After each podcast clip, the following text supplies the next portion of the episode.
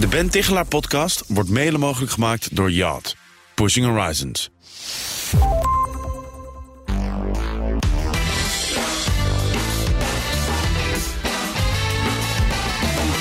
De energiekosten, de boodschappen, de benzineprijzen. Het leven wordt al maar duurder. En dus zouden de meeste mensen graag wat extra verdienen. Maar voor welke baan moet je dan kiezen? En waar kun je echt cashen?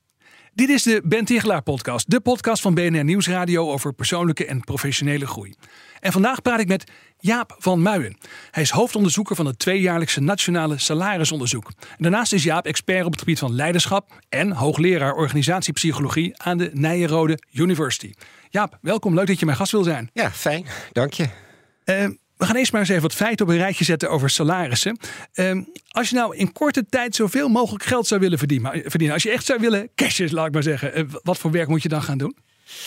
Ehm, nou, misschien moet je wel, als je hoog opgeleid bent, zelfstandig worden. Ik okay. las vanmorgen in de krant dat steeds meer jongeren uh, kiezen om zelfstandig te worden. En dat uh, heeft met geld te maken, denk je? Dat had met geld te maken. En oh, vrijheid. Ja. Geld en vrijheid. Geld en vrijheid. Dat zijn ja. twee dingen die mensen natuurlijk heel fijn vinden. Ja. ja. Maar goed, je doet ook salarisonderzoek. En dan gaat het natuurlijk ook om nou, banen zit, in loondienst. En wat, dan, wat komt daar dan uit? Nou, dat komt uit dat uh, hoe hoger opgeleid, uh, hoe meer je verdient. Dus okay. opleiding betaalt zich echt uit. Ja. En daarnaast zien we dat mensen in de non-profit, uh, zeker als hoog opgeleid zijn, meer tevreden zijn over hun salaris dan de mensen in de profit. Oké, okay. niet per se dat ze meer krijgen, maar ze zijn wel tevredener over ja. hun salaris. Ja. Dat is interessant. Ja. ja goed. Ja, als je nou zeg maar niet snel tevreden bent en je denkt dan ga ik maar toch maar naar de non-profit, want misschien word ik dan tevredener, zo werkt het dan waarschijnlijk weer niet. Nee, daar hangt ook zingevingsvraagstukken aan, uh, zitten daarin vast. Ja. ja. Um, even een paar banen op een rijtje. Um, vroeger was het altijd zo, dat het salaris wat zeg maar altijd bovenaan stond in de rijtjes, dat was het salaris dan van een captain bij de KLM. Is dat nog steeds zo? Nou, dat zou ik echt niet weten. Nee, okay. nee, nee dat weet ik echt niet. En een andere baan. Een goede vriend van mij die zei vroeger altijd van... Ben, als je later rijk wil worden, dan moet je onderwaterlasser worden. Want dat is gevaarlijk werk en heel specialistisch. En daar verdien je heel veel geld mee. Ja, die vinden wij niet in ons onderzoek terug. Dat zijn zo weinig mensen die dat doen. Dat, uh, we, wat wij vooral kijken zijn mensen in loondienst. Ja. En daar zien we een aantal aspecten echt wel terug. Opleiding betaalt zich heel erg goed uit. Dus ja. even vergeleken met mensen met een praktische opleiding... verdienen hoger opgeleide 28% meer. Dus dat is echt veel. Is echt substantieel meer. Ja. ja. En... Uh, en mannen verdienen meer dan vrouwen. Dus Daar gaan we het straks nog even uitgebreid over hebben. Ja, over die loonkloof. Tegelijkertijd ja. zie je natuurlijk ook uh, trends. Dat als je een hele goede specialist bent. en je hebt een enorm toegevoegde waarde. dan uh, gaat dat zich steeds beter uitbetalen. Ja, ja. In plaats van gewoon uh, traditioneel manager worden. Uh, wordt misschien tegenwoordig ook steeds belangrijker. Uh, wat is je toegevoegde waarde aan, aan, aan het bedrijf? Dus ook als je geen leiding geeft, maar een hele specialistische functie hebt. Bijvoorbeeld, je bent heel goed ingevoerd in bepaalde software. of je bent een bepaalde. Ja. Uh, Oké. Okay, ja. Nou, Ronald Prins met Fox, die betaalde zijn manager minder dan zijn ICT-specialisten. Oké, okay, dat is interessant. Ja. ja. Hey, en dan is nog vaak ook wel het idee, wat toch eventjes misschien bij jou toetsen of dat klopt of niet. Dat wanneer je nou echt gevaarlijk of heel vies werk doet, dat je dat dat het ook goed betaalt. Hè? Dus bijvoorbeeld als je vuilnisman bent. Ja, dat, dat wordt altijd gezegd, die verdienen naar verhouding uh, goed. Oké, okay, naar verhouding. Zeker, naar verhouding natuurlijk. Ja. Vergeleken weer met... Uh, in Nederland is nog steeds, we zijn een opleidingsland. Ja. En we betalen sterk naar opleiding. Uh, mijn pleidooi is dat we veel meer naar toegevoegde waarde moeten gaan betalen. Oké, okay, ja. En dat opleiding er niet zo toe doet. Dat je niet automatisch, omdat je WO-opleiding hebt... dat je meer moet verdienen dan iemand die ergens anders zichzelf heeft opgeleid en enorm toegevoegde waarde aan het bedrijf, voor het bedrijf heeft. Even tussendoor, maar wat moet daarvoor gebeuren om dat mogelijk te maken? Want ik snap wel, er zijn meer mensen die dat zeggen, hè, van mensen die in de zorg werken of die bijvoorbeeld in het onderwijs werken. Uh, die zouden meer moeten worden betaald naar de waarde die ze toevoegen in onze maatschappij. Maar goed, nou, van zo'n betoog ik, ik naar maak een salaris kleiner, De waarde die ja. je toevoegt in het bedrijf. Oké. Okay. Dus, ja. dus uh, als iemand allerlei deelcursussen gedaan heeft. We, we, hebben toen een hele tijd die rare situatie gehad. Dat mensen Ja. die in MBO verpleegkundige waren. Er was op een gegeven moment het voorstel dat dan een HBO-verpleegkundige een handtekening moest zetten als de medicatie zou worden Oh ja, uitgedeeld. Terwijl die MBO-verpleegkundigen, die hadden allerlei opleidingen gedaan, die konden op de OK staan, hadden heel veel ervaring, wisten heel veel. En toch was de neiging om de opleiding van een HBO'er beter te betalen. Ja. Ik zou daar erg voor pleiten. Wat doet die verpleegkundige? Wat kan die verpleegkundige? En wat voegt ze toe aan het ziekenhuis? Ja, Ja, ja, dat blijft toch inderdaad wel raar. Dus de papieren waarmee je binnenkomt, die zouden niet meer moeten bepalen wat je eigenlijk betaald krijgt. Maar het zou veel meer moeten zitten in wat draag je nou echt bij. En in een bedrijf is het natuurlijk nog redelijk eenvoudig meetbaar soms. Ja, maar de, een, een, tijd geleden stond volgens mij in de Telegraaf dat een, een oude, iemand die bij de Rabobank werkte, die wilde uh, iets anders gaan doen. Die heeft een MBO-opleiding gedaan, die is schilder geworden. Ja. En dan denk ik, ja, als hij heel goed schildert, betaal hem dan naar het schilderen. En niet vanwege het feit of hij nou een opleiding of niet heeft. Ja. Uh, waar ook altijd veel discussie over is wat uh, mensen verdienen die in de top van bedrijven werken. De topbestuurders, zeg maar. Um, ja, ik ben heel benieuwd hoe jij daar naar kijkt. Jullie doen daar dus onderzoek naar, maar je hebt ook een mening over leiderschap natuurlijk. Doe je zelf ook al jarenlang onderzoek naar. Um, gaan mensen die uh, een salaris van vijf ton per jaar verdienen, gaan die nou ook echt beter werk leveren? Of krijg je dan ook echt betere mensen? Of is het meer een cultuuraspect dat we gewoon dat soort salarissen betalen aan mensen die in de top zitten? Nou, het is de afgelopen jaar is het, het gat tussen de, degene die het minst verdient en degene die het meest verdient in bedrijven natuurlijk een stuk groter geworden. Ja. En de vraag is, is iemand dat waard? Ja, ja dat is de vraag. Dat is kijk de vraag. Ik jou, dan kijk ik jou aan, Jaap. En dan heb ik het weer over toegevoegde waarde. Ja. En niet alleen omdat je in een bepaalde functie zit. Maar kun je dus, stel voor je bent CEO, hè, wat bijvoorbeeld Ralf Hamers deed met de ING. Proberen daar echt een ander bedrijf neer te zetten, de innovatie aan te moedigen, herstructurering, Ja. hele nieuwe filosofie, dat met enthousiasme in het bedrijf brengen. Ja, dan denk ik, ja, zo iemand verdient gewoon een goed salaris. Ja. Zeker vergeleken met het buitenland. En Ralf Hamers, dat is wel interessant dat je die noemt, want daar was juist veel te doen om, eh, Ja. om dat salaris inderdaad.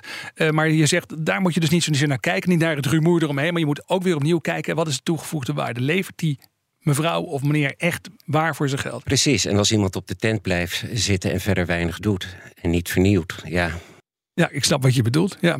Hey, ehm, elke twee jaar doen jullie dat nationale salarisonderzoek. Ja. Daar ben je hoofdonderzoeker. En ik heb begrepen dat je ook elk jaar een paar vragen meeneemt over onderwerpen die je zelf interessant vindt. En ik begreep dat in de laatste editie, die was alweer in 2021, dus dit jaar komt er een nieuw Ja. salarisonderzoek. Maar in 2021 heb je nog het onderwerp hebzucht meegenomen. Kun je daar iets over uitleggen? Ja, Vond je, dat- waarom is dat interessant? In 2021 hebben we heel erg gekeken naar de effecten van COVID. Eh, daarvoor hebben we ooit een keer hebzucht Oh, meegenomen. dat is al eerder. Dat is eerder Ja.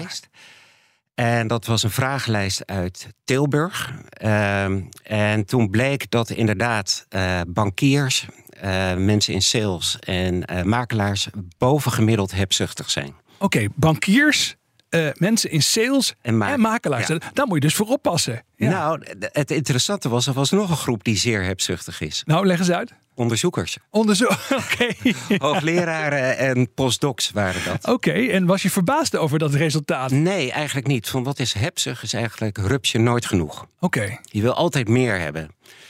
En eh, in de wetenschap word je natuurlijk afgerekend op publicaties. Ja, Dus hoe ja. meer publicaties, hoe hoger je status, hoe beter aanzien. En, Ja. En dat is ook nooit genoeg en dat natuurlijk. is nooit genoeg. Nee, nee. En, eh, nou Maar dat is- gaat dan niet per se over geld. Over Nee. dat je per se meer geld wilt. Maar dan Nee. wil je wel meer publicaties en meer aanzien, zeg ja, maar. En op zich is hebzucht eh, in, de, in de christelijke leer natuurlijk een ondeugd. Ja. Maar ik denk dat het ook een motor kan zijn. Vertel.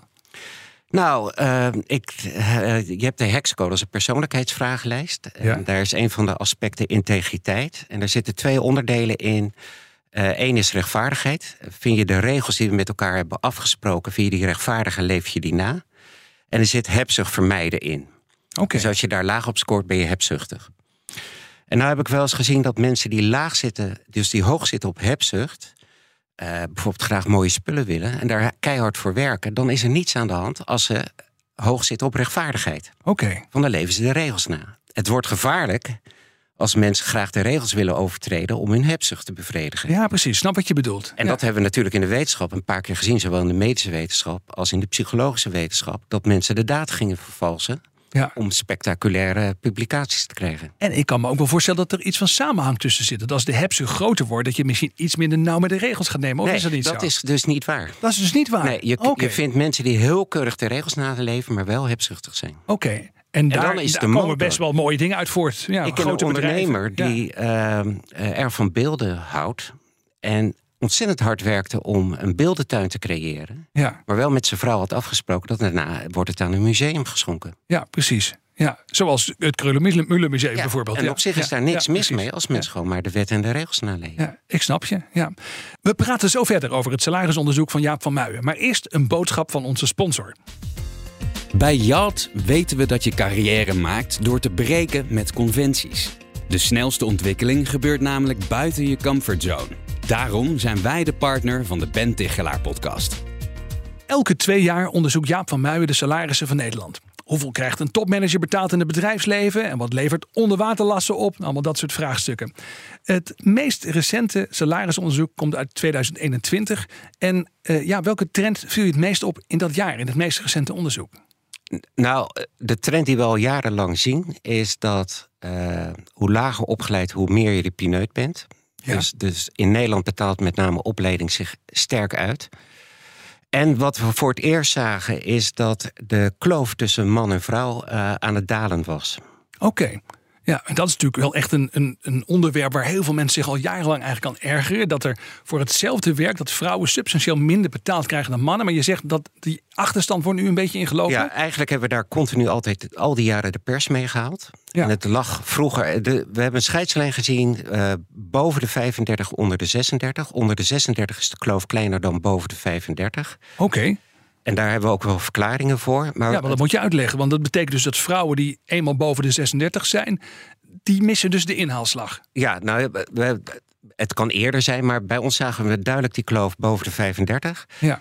En als je dan gaat kijken, heeft u uw werk ooit onderbroken? Nou, de meeste mensen, zowel man als vrouw, hebben hun werk onderbroken vanwege werkloosheid. Ja. Maar vrouwen 85% vanwege familiaire omstandigheden. Ja. Lees zwangerschap. En dat maakt duidelijk. En dat maakt duidelijk omdat we uh, zien ook wel in de data dat vrouwen dan minder gaan werken. Mm -hmm. En een tijd uit het arbeidsproces zijn geweest. Ja, en dan loop je gelijk een, een kloof op. Ja, dus je zegt die loonkloof die je ziet bij vrouwen boven de 36 is op zichzelf ook wel goed verklaarbaar. Ja, alleen dat heeft te maken, zeker als je in de, ook in, bijvoorbeeld in de non-profit zit. Hè, je wordt ergens ingeschaald op basis van je opleiding of je functie. En dan ga je stappen maken. Ja. En als je er een tijdje uit bent geweest, dan gaat daar een gat ontstaan. Ja. Hoe kijk je daar zelf naar? Ik bedoel, je, bent ook, je hebt ik, zelf ook ik, kinderen, je bent zelf getrouwd ook. Ja. Ik, ik vind dat echt on. Nou, er zijn twee dingen. Eén genuanceerd. Nergens zijn er zoveel weinig vrouwelijke leidinggevenden op middenniveau als in Nederland. Als okay. je gewoon kijkt naar de CBS-cijfers over Europa, die ze af en toe wel eens publiceren, dan zitten wij helemaal rechts aan. Oké. Okay. Uh, en dat betekent ook dat we daardoor ook minder topvrouwen hebben. Want als je minder kweekvijver hebt op het middenniveau, dan zie je ook minder topvrouwen. Ja. Uh, en dat, als je echt leiding wil geven, dan kom je er niet met drie dagen in de week. Dan zul je minimaal vier dagen in de week moeten werken. Dus daar zit ook echt, en daar zit echt een, een probleem. probleem. Ja, je zegt niet dat dat terecht is of onterecht, maar Nee, dus wat je in ieder geval in de cijfers ziet. analyse die wij maken. Ja, En het tweede is, denk ik, weet je, waarom zou iemand die een paar jaar uit het eh, beroep is geweest, maar toch enorm toegevoegde waarde hebben in het werk, ja. maar omdat ze een paar jaar uit is geweest, ga je er minder betalen? Dat is eigenlijk, ja, dat is een raar soort idee. ja. Ja. En de tweede is, wat wij deden, is dat we corrigeerden voor het aantal uren dat iemand werkt, eh, opleidingsniveau, in welke provincie je woont, waar het hoofdkantoor staat van het bedrijf. En dan vonden we echt puur omdat je vrouw bent, verdien je minder. Ja. En dat is natuurlijk niet te rechtvaardigen. En, en hoe kan dat dan nog steeds eh, anno 2021, moet ik dan zeggen? Hè? Want dat was nog een onderzoek van een jaar geleden. Maar hoe kan dat dan nog steeds in Nederland zo bestaan? Want iedereen vindt dit onrechtvaardig, Nou, denk ik. Ik, vroeger zei ik altijd, eh, tot 2015, 17, eh, vrouwen moeten gewoon maar leren beter te onderhandelen. Ja. En ehm, Maar ik hoor hem maar aankomen. ja, het onderzoek toont aan, als een vrouw goed onderhandelt, dan wordt ze een bitch gevonden. Ja. Als een man goed onderhandelt, is een topkerel. Ja. Dus zelf als een vrouw goed onderhandelt, heeft dat een negatieve connotatie. En ik denk nu, met de schaarste op de arbeidsmarkt, eh, laat de bewijslast maar bij de bedrijven liggen. ja. Dus ik, alle bedrijven op de Zuidas, hè, eh, in de advocatuur, ga maar aantonen dat je vrouwen evenveel betaalt als mannen. Je moet gewoon voortaan, dat zou de norm moeten zijn. Je moet gewoon laten zien op papier, in je verslaglegging. Wij betalen mannen en vrouwen gewoon evenveel. Precies, laat maar zien. En daarom Waarom, is het zo, waarom is het zo moeilijk? Waarom is het zo moeilijk voor zoveel bedrijven? Want bedoel, dit willen ze, dat mensen roepen al jaren dat ze dit willen. Ja, waarom doen we zo geheimzinnig over salaris? Ja. We hebben ooit, toen we startten in 2013, hebben we verschillende mensen in geïnterviewd op de Noordermarkt. Nou, we kregen het idee dat mensen liever over hun seksleven praten dan over hun salaris. Ja, het is wel eens een keer. Er is geloof ik een, ooit een nationale salarisshow geweest, meen ik me te herinneren. En daar werd op een gegeven moment moesten mensen ook vertellen wat ze verdienden. En mensen deden daar dan heel makkelijk over. Over werd een beetje gepresteerd van ja, dat moet je toch kunnen vertellen. Maar er kwam ongelooflijk veel discussie iedere keer als er dan een salaris werd gemeld van iemand. Ja, wij vinden het ook wel heel leuk als Nederlands om dan te roepen: ja, moet hij dan echt zoveel verdienen? Ja. Nou ja, daar zit natuurlijk het hele punt. Ik, eh, ik, ik, ik heb het een jaar in Amerika gewoond en ik stond een keer eh, eh, in Virginia in de rij bij een museum. En dan kwamen mensen elkaar tegen die elkaar een paar jaar niet hadden gezien. En de derde zin was ongeveer: wat verdien jij? Echt waar? Ja. Oké. Dus in Amerika wordt er ook veel makkelijker over gesproken. En bij ons zit er toch een schaamte. Je, eh, als je goed verdient, wil je het ook niet echt laten zien. Van dan, Je bent bang dat er al snel jaloezie eh, ontstaat. Of dat ja, mensen. of dat, nou ja, in ieder geval, we voelen ons daar wat ongemakkelijk bij. Ja. Heb je daar een verklaring voor? Ja, protestantse achtergrond, denk ik. Ja, is dat zo? Ja, ja maar Amerikanen zijn ook al protestanten, waren Puritijnen maar die dat all begonnen you've zijn. got daar. to do is win. All you've got to do is win. Dat is toch wel echt Oké, Amerika. dus Amerika, Amerika heeft die, die protestantse veren afgeschud. Nou ja, ja, in ieder geval wel, eh, wel- de, wat wij... Kijk, we zijn een land van samenwerken. Ja. Zonder samenwerken waren we natuurlijk al lang verzopen. ja, dan zou je kunnen zeggen dat komt het ook deels door het feit dat we met elkaar als protestanten in een rivierdelta al, al die Ja, tijd hebben gezeten. En we misschien. hebben natuurlijk zeker hier in, in de Randstad ook geen sterke adel gehad. Nee, Dus ja, oké. Nou, daar kunnen we nog een heel historisch onderzoek eh, aan wijden. Maar we moeten ook even vooruitkijken. In april, mei van dit jaar beginnen jullie weer met het nieuwe salarisonderzoek. Eh, heb je bepaalde verwachtingen voor dit jaar? Nee, nee, we zijn dus, kijk, als we kijken vanaf 2013 tot 2021, dan stegen de lonen met 2, 2,5 procent. Als ik nu hoor, anekdotisch, hè, ook van studenten die werken eh, bij accountantskantoren, is dat men veel één of twee keer per jaar nu gewoon loonsverhoging krijgt. Ja. En is als de dood dat mensen weggaan, zeker in de financiële sector. Ehm, dus wij zijn heel erg benieuwd hoe de lonen de, het afgelopen jaar zijn gestegen. Maar Ja. we zijn ook heel erg benieuwd wat mensen verwachten aan loonstijging.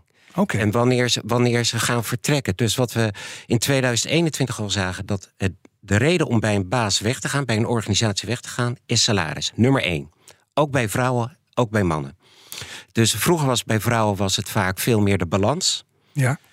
Eh, en nu is het salaris is echt nummer één. En ik vermoed dat dat veel sterker is geworden. Ook al waarmee je begon. Hè. Ik bedoel, ga hier in Amsterdam als je jong bent een huis huren. Nou, je betaalt godsvermogen. Kopen, dat lukt niet. Van je, Ja. Tenzij je samen gaat wonen, maar anders krijg je geen hypotheek.